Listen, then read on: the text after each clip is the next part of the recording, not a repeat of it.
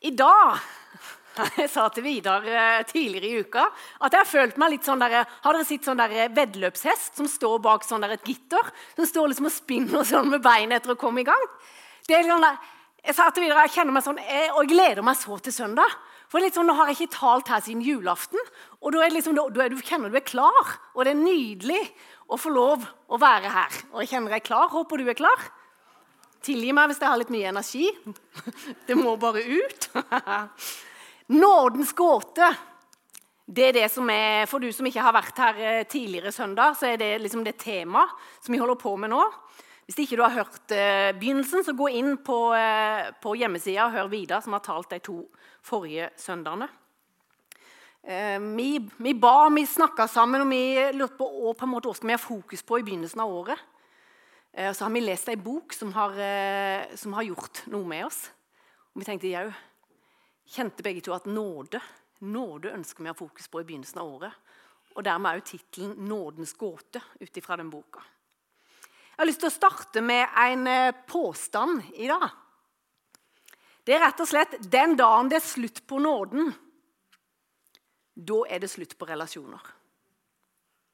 Og Da tenker jeg, da er det både slutt på relasjoner. altså Hvis ikke Gud møter meg med nåde, da er det i hvert fall over og ut for meg. Det er i hvert fall helt sikkert. Og hvis ikke Ole Georg møter meg med nåde, så er det over og ut eh, i vår heim, for å si det sånn. Og hvis ikke vi i menigheten møter hverandre med nåde, åssen menighet vil det være?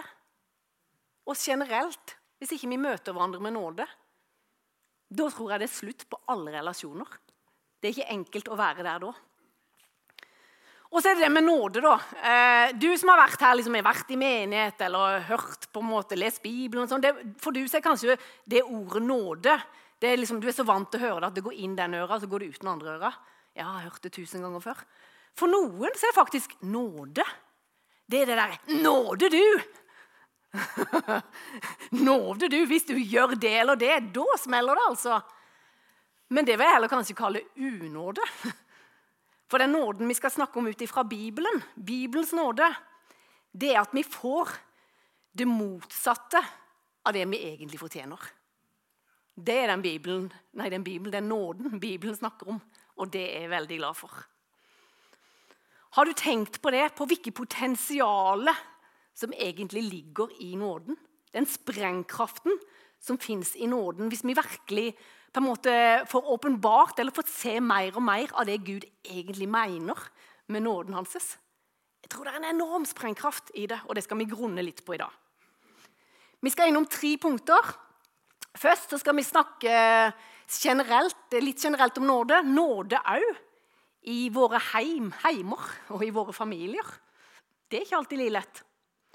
Og så skal vi snakke på punkt to historier som kanskje både utfordrer og provoserer oss litt.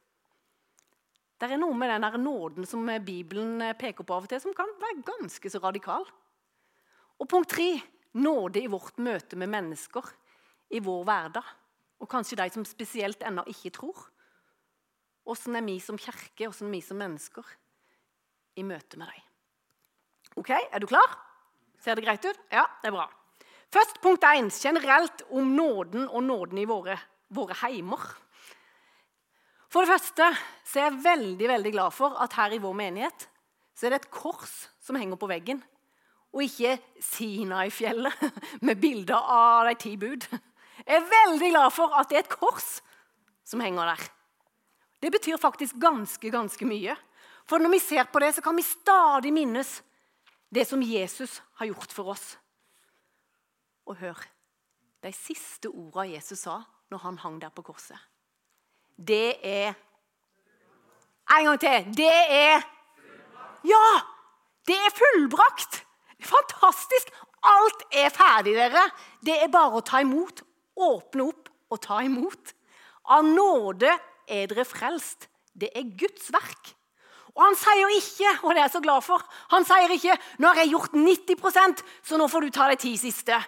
'Nå får du klare dette, dette, dette, dette.' Så da er du innafor. Det han gjorde, det er fullbrakt. Jeg går på smeller stadig, jeg feiler. Men takk og lov så kan jeg løpe til det korset igjen og igjen og igjen. For det han gjorde, det er det som tåler, det som tåler alt. For det er det som er fullbrakt, ikke mitt liv. Det, altså, dere har lov å smile, for det gir faktisk litt grunn til glede og begeistring at det er fullbrakt. Jeg tenker, Hvis vi virkelig, virkelig forstår det, så kjenner jeg rett og slett det bobler litt inni meg.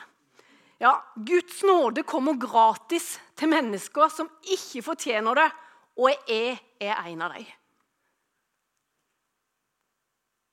Kanskje er du òg det. Jeg fortjener det i hvert fall ikke, men jeg får lov å ta det imot. Og nåde er grusomt radikalt, for Guds nåde det er Guds godhet, Guds gave, som han ønsker å gi du og meg. Og nåde det betyr ikke at Gud ikke bryr seg om og det er du gjør. Og at han liksom bare ser mellom fingrene med synd. Men det er så viktig. Hans perfekte kombinasjon, det er nåde og sannhet. Begge deler. For bare nåde, det kan fort bli veldig grenseløst.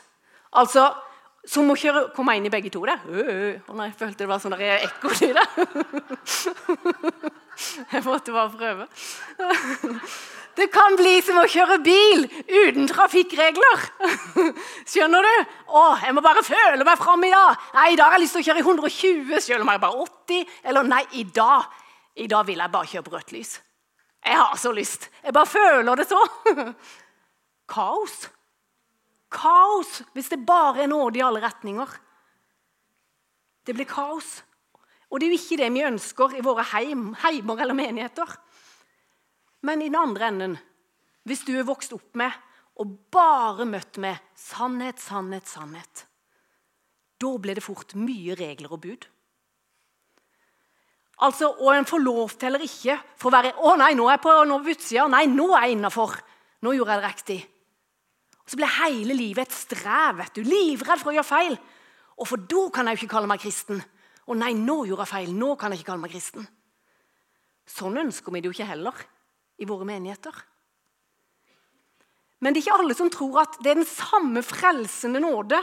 Det er den samme nåden som oppdrar oss til gudfryktige og hellige liv. Det er den nåden. Altså, nei, Vi må vel ha litt hjelp av pisken liksom, for å få skikk på livet våre. Nei, det er den samme nåden, den frelsende nåden, som òg ønsker å oppdra oss. Når vi får se hvor stor kjærlighet og nåde Gud har vist oss, så vil Han virke fram det beste i oss innenfra og ut. Og Det er fantastisk det som står i Bibelen. Det står jo at, at Jesus, En dag jeg sa ja til Jesus, så har han med sin ånd tatt bolig i meg. Voldsomme greier. Han har tatt bolig i oss til å både ville og virke til hans gode vilje, står det i Filipperne. Og Paulus sier ikke at lovens krav og bud tvinger han. Det er ikke sånn og er buda liksom, de tvinger meg til å gjøre det rette. Men Paulus sier Kristi kjærlighet tvinger meg. Når jeg virkelig får se hva Jesus har gjort for meg. At han var villig til å gjøre alt for meg. Han var villig til å ta den straffen som egentlig fortjener. Det er den kjærligheten jeg har fått smake i mitt liv. Og den på en måte tvinger meg til å gi det videre. Den samme nåden som jeg har smakt i mitt liv vil jeg gi videre til andre mennesker rundt meg. Den samme nåden gjør at Jesus, jeg vil følge deg, samme hva det koster. Jeg vil leve mitt liv og gi det som en takk tilbake, for du har gitt alt for meg, Jesus. Det er kjærligheten til Jesus som tvinger han.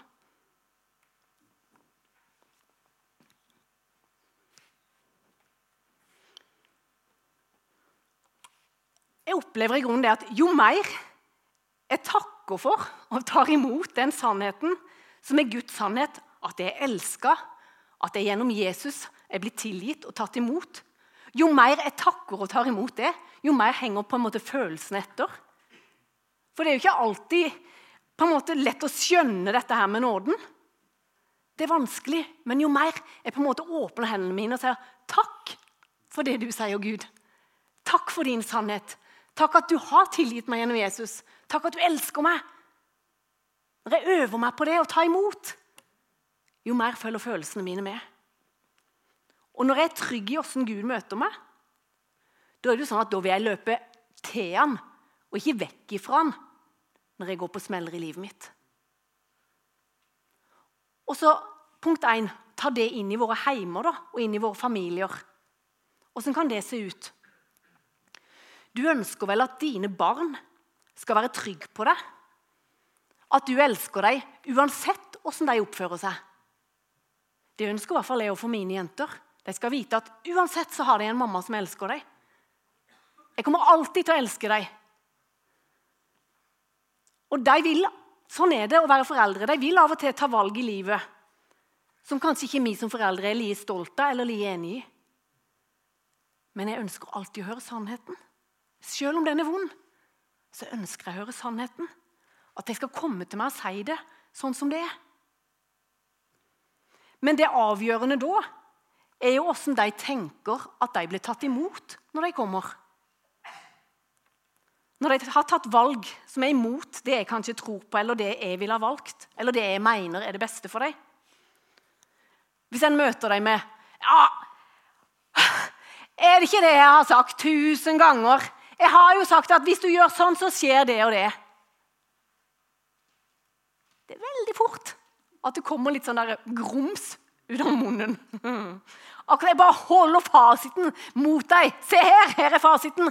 Akkurat som at hvis vi løper til Gud, så er det første han holder mot oss. Her, Kristine, her har du deg ti bud. Var det jeg sa? Hadde du bare fulgt deg?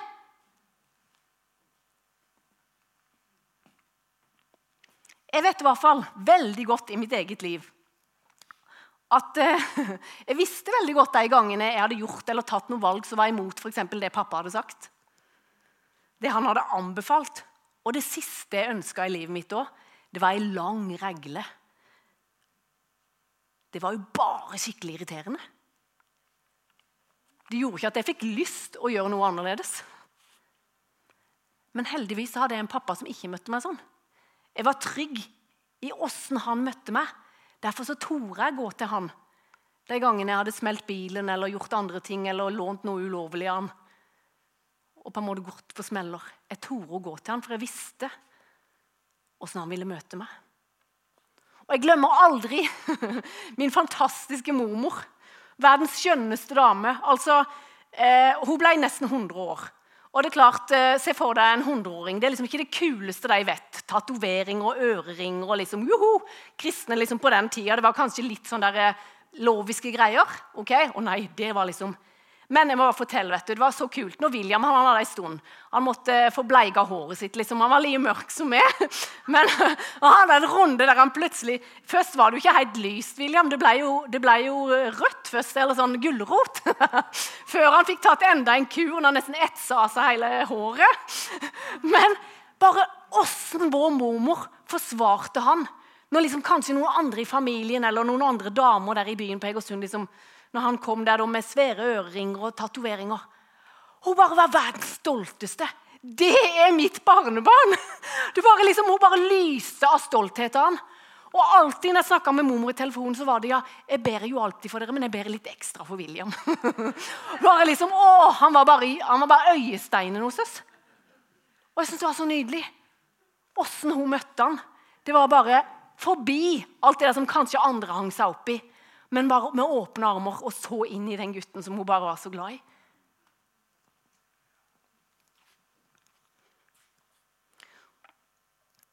I motsetning til noen andre som var i nærheten av mormor, som hadde et barnebarn som ennå ikke var troende.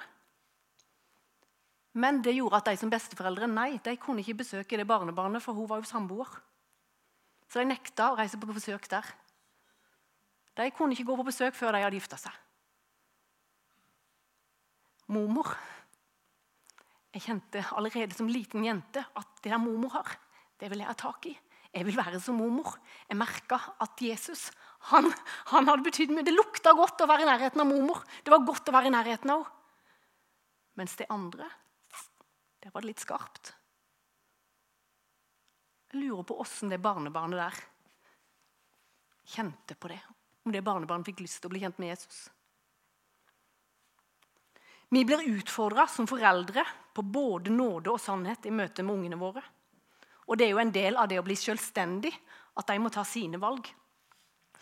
Kanskje trenger vi å øve oss hvis vi har eldre barn, da, og stille spørsmål istedenfor å alltid komme med alle svarene. Der var Jesus veldig god. Har du tenkt over det når vi leser Bibelen? Jesus gjorde det i møte med mennesker. Han sa, 'Hvem? Hvem er det folk sier at det er?' Eller 'Hvorfor gråter du, kvinne? Hvem er det du leiter etter?' I møte med ungene våre. Jeg har lyst til å høre, og tenker du rundt dette? Og tenker du rundt det at dette spillet her er bare skytespill?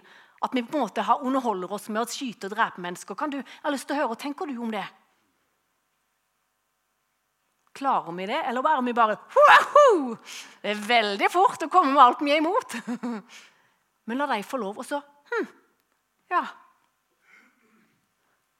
Hva mener du er den beste løsningen her? Jeg har lyst til å høre hva du tenker. Hvordan skal vi få dette til? Og tenker du at jeg må gjøre her, og må du gjøre her? Stille spørsmål som av og til ikke vi alltid kommer med alle svarene. Men så tror jeg alltid at det er en voksnes ansvar å opprettholde forholdet til sine unger. uansett alder. Og Så sier jeg ikke at alle relasjoner er like lette. Av og til som en beskytter seg sjøl hvis en har opplevd å få mange sår og mye vondt. Men den dagen det er slutt på nåde, da tror jeg det er slutt på relasjoner. Om ungene tar avstand fra troa, så tror jeg likevel at de vil søke til en, en heim fylt av nåde og kjærlighet. Du og meg vi kan ikke bestemme hva ungene våre skal tro. Men vi kan bestemme oss for å bygge en heim der nåde er viktigere enn regler. Og at tid er viktigere enn alle ting vi skal ha. Ingen kjenner spesielt smak av nåde med bare å bli pekt på alle feilene og manglene. Eller alle valgene de tar som vi ikke er enig i. Men så har jeg jo lyst til bare å si at nåde kan òg av og til være tydelig, samtidig som at det er omsorg og kjærlighet bak. Ta f.eks. Paulus på vei, på vei til Damaskus. Altså Han ble blenda av et lys, han ble slått i bakken, og der møter han Jesus. Altså, Det var en voldsom greie som Jesus på en måte gjorde for å vekke hans oppmerksomhet. Jeg tenker, Av og til er nåden voldsom når Jesus ser at vi beveger oss på en vei som ikke er det beste for oss. Altså Hvis, hvis eh, gutten eller jenta de kjører på midt i veien på sykkel, og du ser at rett der henne kommer det en bil, da står du jo ikke der. 'Pass deg! Du må være forsiktig! Det kommer en bil!' Altså, Da, da roper du for å få oppmerksomhet. Du brøler. Men det er jo ikke for å straffe ungen din. Det er fordi du har omsorg, du bryr deg, du vil beskytte barnet ditt. Av og til kan nåden være voldsom. Men vi må ikke glemme hvem er det som står bak denne nåden. Guds hjerte. Det er fordi Gud er glad i oss. Gud bryr seg om oss. Gud vet hva som er det beste for oss.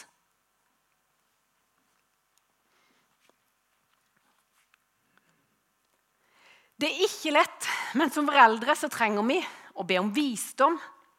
Når skal vi tale, når skal vi tie? Lime igjen munnen og heller folde hendene våre og gå til Gud med vår frustrasjon eller bekymring. Og så tenker jeg på én ting. Husk det. At Gud han elsker ungene dine enda mer enn det du gjør. Er det mulig, tenker du? Ja, men Gud elsker deg enda mer enn det du og vi gjør som foreldre. Han etterjager deg med sin godhet og vil mer enn noe annet at de skal få erfare hans gode nåde gjennom Jesus Kristus. Jeg trenger i hvert fall å be om Guds øye for ungene våre og se dem med nådebriller og be om visdom i ulike situasjoner, åssen jeg skal møte dem. Derfor tror jeg stadig vi som foreldre trenger å løfte ungene våre opp i bønn og be om å få nådebriller. Og vi slutter jo aldri å være foreldre. Selv om en blir eldre, så er en foreldre. Oi, den rima! Den hadde jeg ikke skrevet engang! Den var god!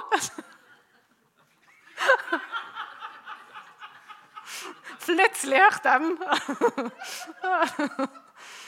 Jepp. Da er vi inne på punkt to, dere. Historier som sier noe om nåde. Historier som kanskje utfordrer oss og provoserer litt. Hva er vi i Froland misjonskirke kjent for? Hva er du kjent for? Jeg tenker at Nådens regnemåte den er ikke alltid lik min regnemåte, i hvert fall. Ta for eksempel, Hvis du har lyst til å slå opp i Matteus 20, så kan du det. og lese den. Jeg bare forteller den. Matteus 20, der er historien om der Jesus forteller en lignelse eh, om vingårdsarbeiderne. Altså Jesus han eh, forteller om en bonde som leide inn folk til å jobbe i vingården. Og det var sånn at Noen kom tidlig om morgenen, morgenfaulene, tidlig om morgenen med soloppgangen. Da kom det noen arbeidere. Og så kom det noen andre sånn i tolvmadtid, med lunsj. Og så kom det noen med ettermiddagspausen, og noen kom faktisk en time før arbeidsdagen var slutt. Se for deg hele dette spekteret. Og det var liksom, eh, Alle virka til å være i godt humør. De jobba liksom, og ja, det var god stemning. ikke sant? High five, og de var liksom i gang. Nå var det liksom helt til det var tid for lønn. Hei.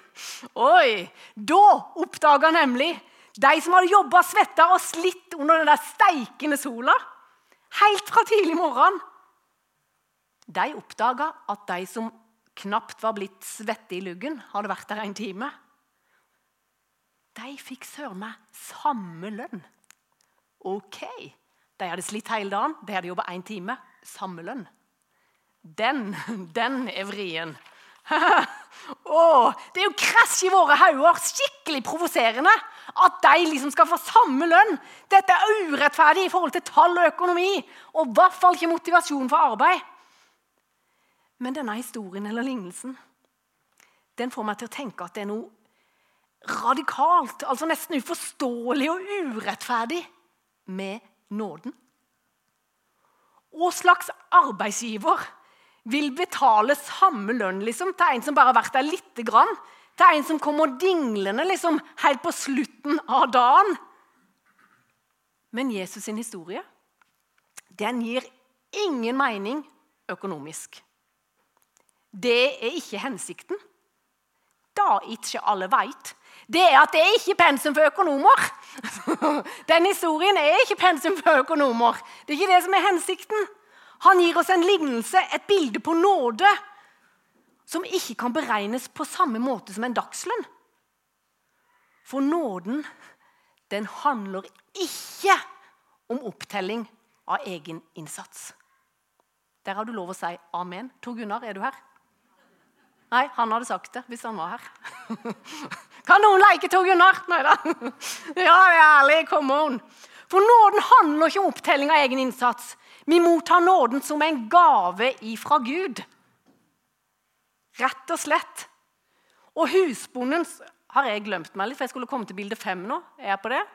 Nei, det var i stad. Der. Ja. Husbondens svar i denne historien til den som hadde jobba lenge, vet du åssen det er? Den er sånn. Hør nå, her kommer husbonden. Min venn, jeg gjør deg ikke urett. Blei ikke du enig med meg om én denar? Ta nå dette her, og så gå. Men jeg vil gi han som kom sist, det samme som du. Har ikke jeg lov å gjøre med mitt som jeg sjøl vil? Så hør på denne her. Eller ser du med onde øyne på at jeg er god? Arbeiderne i historien ble ikke lurt. De fikk som de var blitt lova.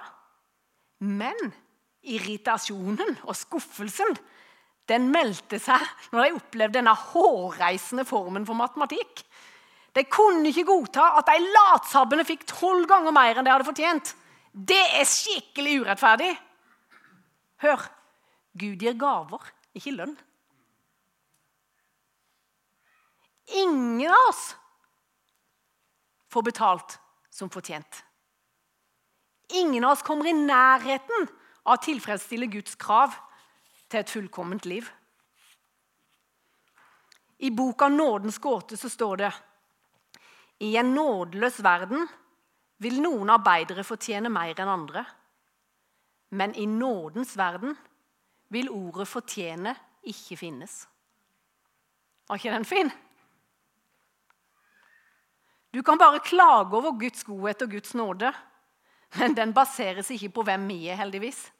Den baseres på hvem han er. Dersom vi tviler på Guds kjærlighet og nåde, så er løsningen den er å se her i Guds ord. Hva slags mennesker Gud elsker.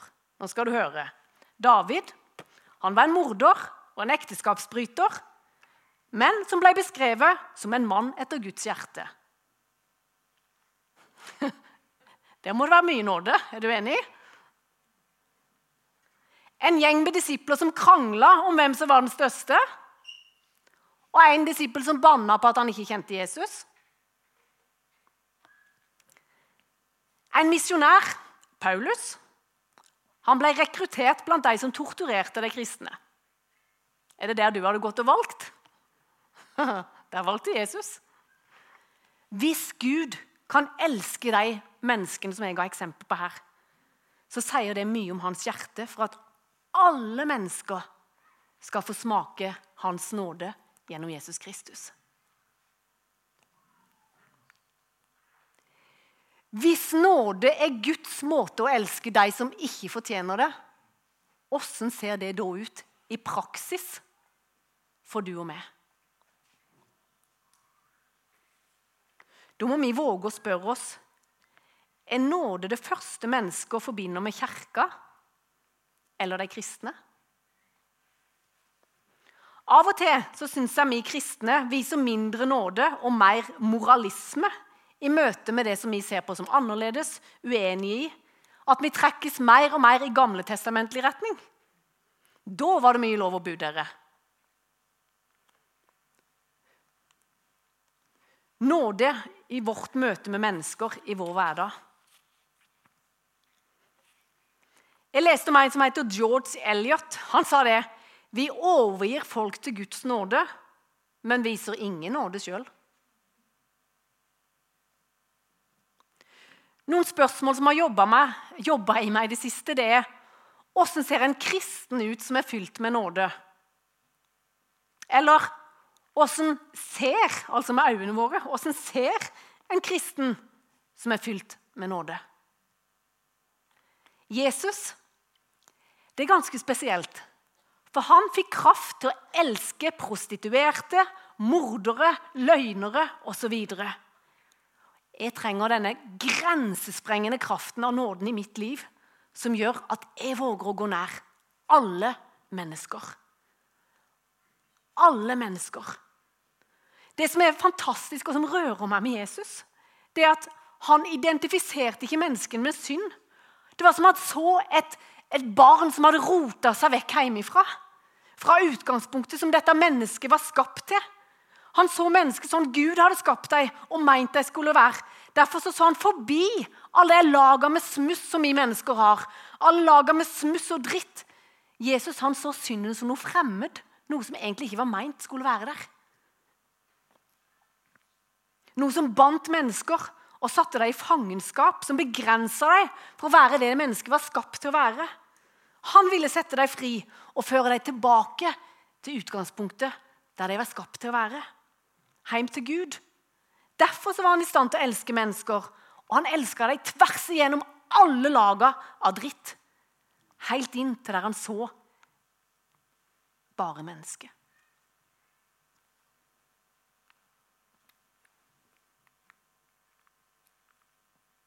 Nei, nå var jeg litt for kjapp. En som heter eh, Det er veldig vanskelig. Dostojevskij. Jeg kaller ham Dosto. Er det greit? Det er mye lettere. Han har sagt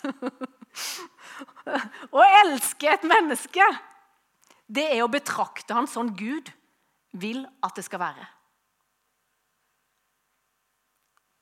Den er ikke alltid like lett.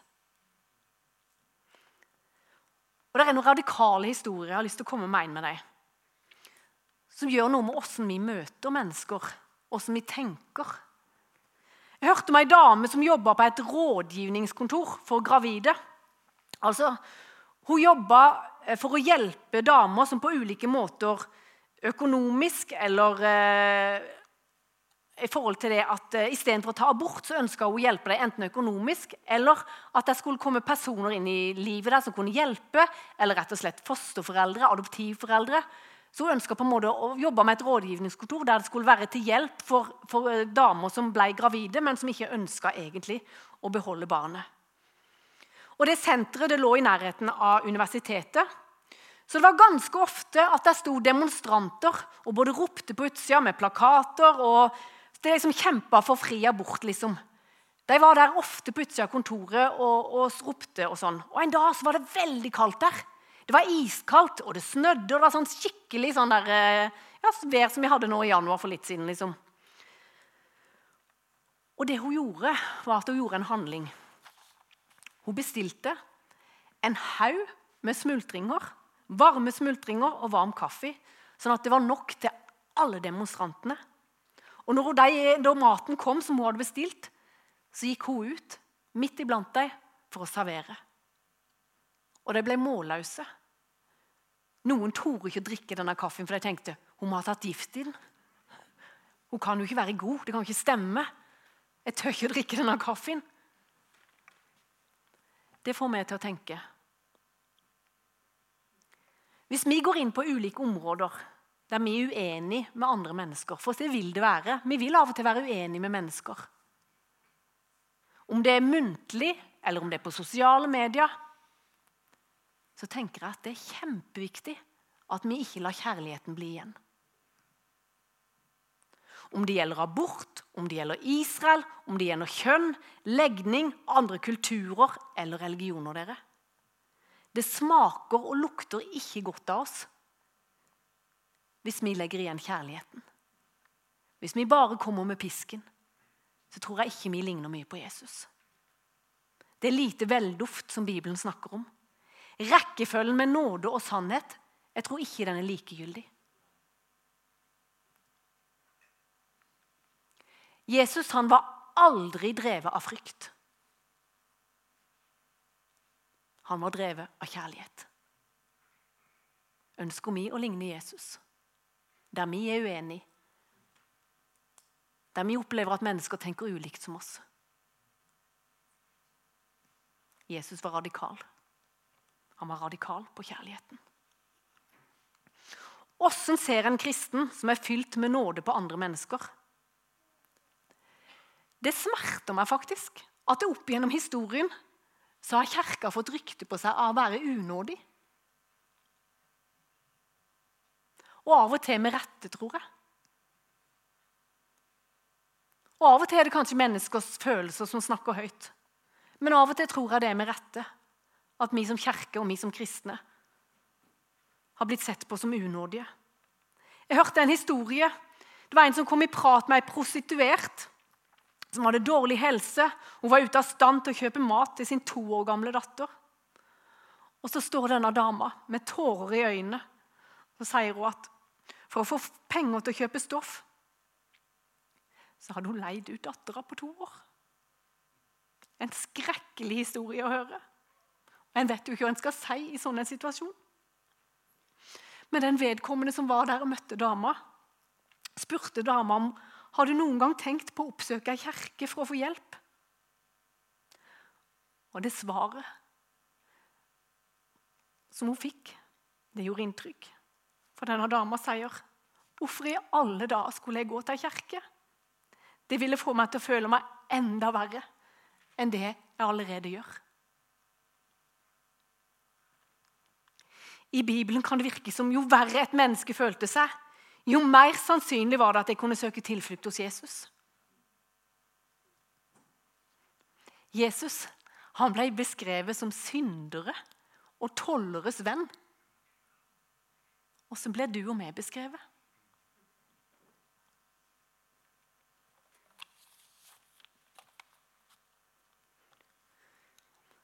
Jeg har lyst til å komme med en historie til. For noen år siden så opplevde Ole Georg og jeg at vi kom i en situasjon som utfordra oss. Og Dette sier jeg ikke for at liksom vi skal virke som noen flinkiser, for det handler ikke om det i det hele tatt. Det handler om å peke på den grensesprengende nåden. Det skjedde en hendelse i et miljø som vi var en del av. Og det var en hendelse som ikke var akseptabel. Denne hendelsen fikk store konsekvenser for den det gjaldt, og vedkommende sin jobb. Og Det var en person som vi hadde forholdt oss til over flere år. Som vi hadde hatt tillit til, som vi hadde heia på, som vi hadde hatt besøk av, og som vi hadde satt pris på. Og så skjer dette. Og nå. Og mange, gjennom mange år så hadde vi begge to bedt for denne personen. Jeg hadde aldri kommet inn i noen trossamtale. Men eh, vi hadde prøvd begge to å stille opp så godt vi kunne i ulike situasjoner. Og Vi kjente begge to på en godhet for denne personen. Men når dette her, som ikke var greit, skjedde, så kjente jeg på en enorm sorg. Og Jeg kjente fort at jeg måtte gå til Gud med det. Måtte jeg Gud, dette er jo ikke greit i det hele tatt. Men Gud, du må gi meg dine øyer. Du må gi dine, meg dine øyer. Og gjør du her, Gud, og gjør mi her. Og jo mer jeg ba, jo mer kjærlighet kjente jeg til denne personen, som egentlig hadde gjort noe som ikke var greit i det hele tatt. Og det er bare en sånn overnaturlig kjærlighet, for det går ikke an menneskelig sett. For du vil egentlig avsky det. Men så ble Ole Georg vi enige. Vi kjente på det begge to. Og etter å ha selvfølgelig avklart med noen ledere, så ble vi enige om at vi ville kontakte denne personen og be denne personen hjem på mat og skiskyting. Og det første jeg bestemte meg for å møte denne personen med, det var dette. Vi har alltid satt pris på det. Vi har alltid likt det. Vi er ikke enige eller syns ikke det er greit, det som har skjedd.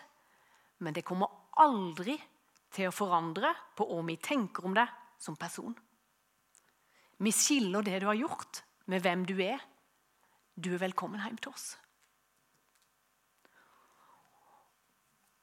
Og Han var hjemme hos oss, og etter en stund så flytta vedkommende langt vekk. Og Jeg har gjennom mange år sendt en julehilsen til denne personen og bestemt meg for at det skal jeg fortsette med. Vi traff jo ikke hverandre lenger og hadde ikke kontakt. Men i løpet av de hilsene, bare den der lille julehilsen, så opplevde jeg at vi kom inn på trossamtaler. Vi kom inn på skyld, skam og tilgivelse. Og så kan jeg bare altså, oppleve som det åpner seg dør der jeg kan bare få lov å skrive om de gode nyhetene som evangeliet er. Om Jesus som kom ned til oss, som vi slipper å klatre og prøve å komme opp til han. Han som tok på seg skammen som vi skulle få lov å gå fri. Jesus som tilbyr tilgivelse. Han tilbyr en frihet. Og fikk til svar tilbake at Hilsenene som han fikk til jul, betydde mer enn jeg ante. Og plutselig i år så var det Ole Georg og meg så fikk jeg en hilsen. Det var ei gruppe med mange andre som ikke vi kjente. Aldri sett de navnene før. Men det var samme etternavn la jeg merke til, som vedkommende. Tydeligvis familie. Vi fikk beskjed om at vedkommende var rammet av kreft og hadde hatt store utfordringer så tenker jeg Tenk, han valgte å ta kontakt med oss. Ennå så langt vekke vi er. Tenk hvis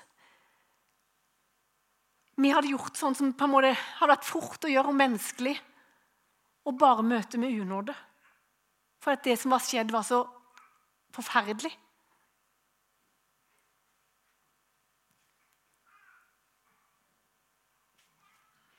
Men istedenfor å ha lov å skrive tilbake og si at vi er med og ber, og får lov å skrive om en Gud som aldri gir oss opp, selv om vi bommer på målet, om Jesus, som gir nye starter og muligheter. Den dagen det er slutt på nåde, da tror jeg det er slutt på relasjoner. Og hvem er jeg hvis ikke jeg blir møtt med nåde? Hvem er jeg hvis ikke jeg blir møtt med Guds nåde? i mitt liv. Og er kirka hvis ikke vi møter alle mennesker med nåde. Og da mener jeg alle. Òg de vi er dypt uenige med, eller de vi kjenner av en utfordrende oppførsel, eller de som har gjort ting vi er rysta over. I mitt liv så trenger jeg å ta på meg nådebriller som gjør at jeg kan se forbi all dritten og inn til det mennesket som Gud elsker. Og ikke la frykt for at andre skal tro Altså Hvis jeg nærmer det med mennesket, det mennesket mener jeg, så skal alle andre tro at da er jeg enig med det mennesket i alt. Eller nei, nå har Kristine blitt kjempeliberal, dere. Nå har Froland misjonskirke Nei, nå er de jo gått helt vekk fra Bibelen. Nei. Jeg tror at hvis vi er trygge på hva vi tror på, hvis vi er trygge på hvordan Gud vil møte oss, hvis vi er trygge på hvem vi tror på, så tror jeg vi våger å gå nær til mennesker. Da vil vi ikke bare holde avstand så langt, men ikke lenger. Hvis vi er trygge og ikke lar frykten styre oss, da tør vi å komme nær mennesker. Og som Vidar opplevde, at det ordet han fikk i begynnelsen av året, nærmere.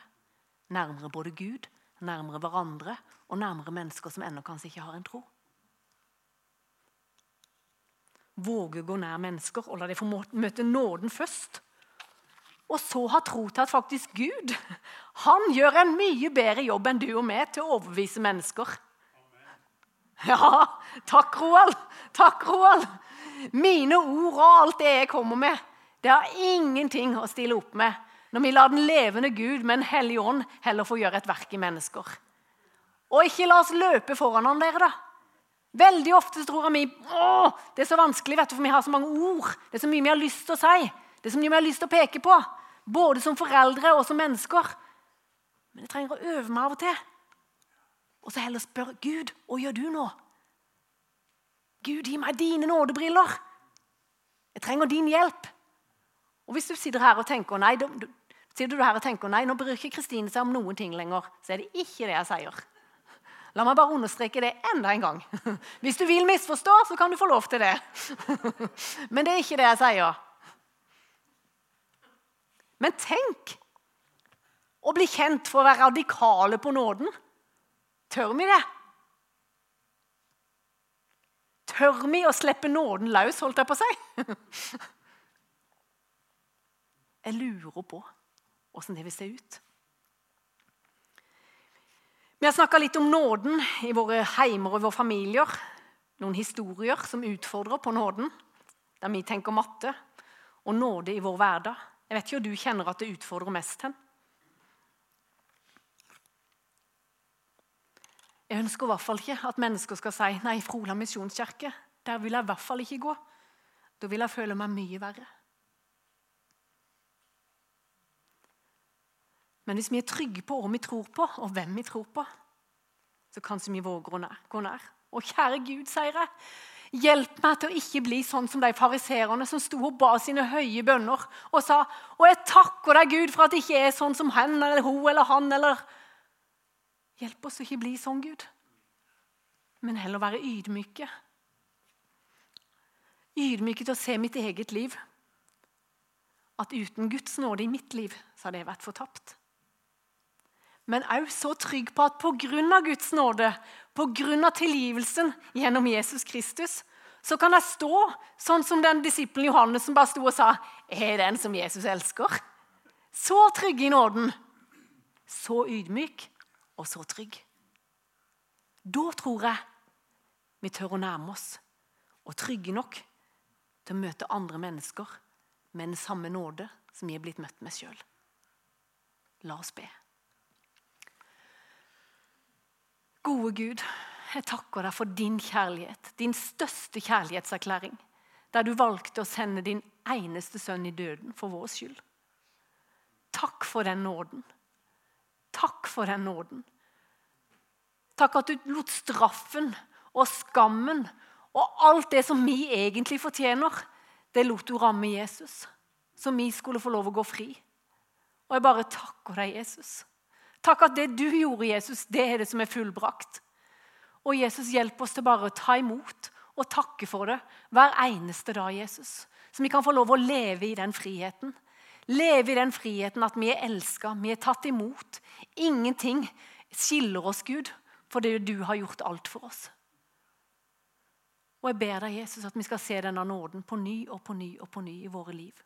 Så vi kan møte andre mennesker med den samme nåden.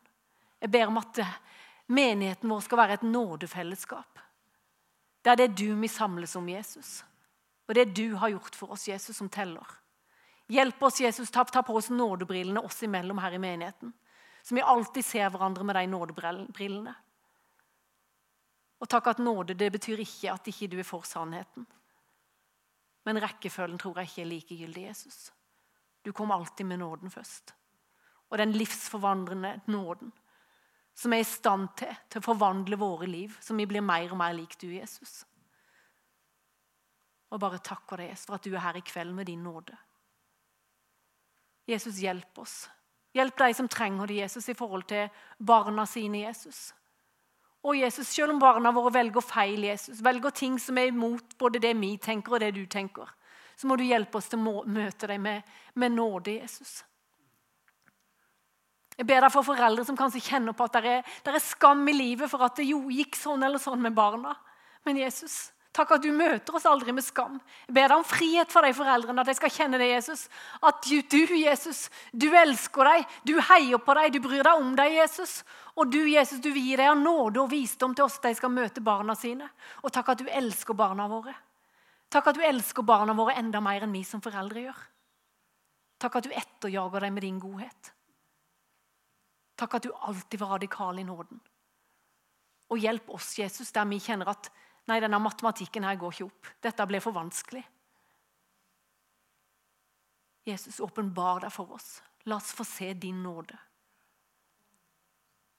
Der vi kjenner at ja, men dette, dette kan jo ikke stemme. Dette er så radikalt, dette er så vanskelig. Kom, Helligånd. Kom, Helligånd, og gi oss visdom. Kom og hjelp oss. Og jeg ber deg for bygda vår, Jesus. Jeg ber deg for bygda vår Froland. Jeg ber om din velsignelse over bygda. Og ber deg at mennesker som kommer inn her, eller som ser på menigheten vår, eller ser på oss som går her, at det ikke skal være sånn at nei, der vil vi aldri komme. For da vil jeg føle meg mye verre. Men Jesus, la deg kjenne at det er godt å komme her. Om ikke de skjønner det, Jesus, så takker jeg deg for at du er her, Jesus. For å møte mennesker med nåde og frihet. Og hjelp oss til å ligne du, Jesus. Jeg trenger det i mitt liv, Jesus. Dine nådebriller hver eneste dag. Takk at du er her nå med din Hellige Ånd. Møt mennesker. Møt mennesker, Jesus.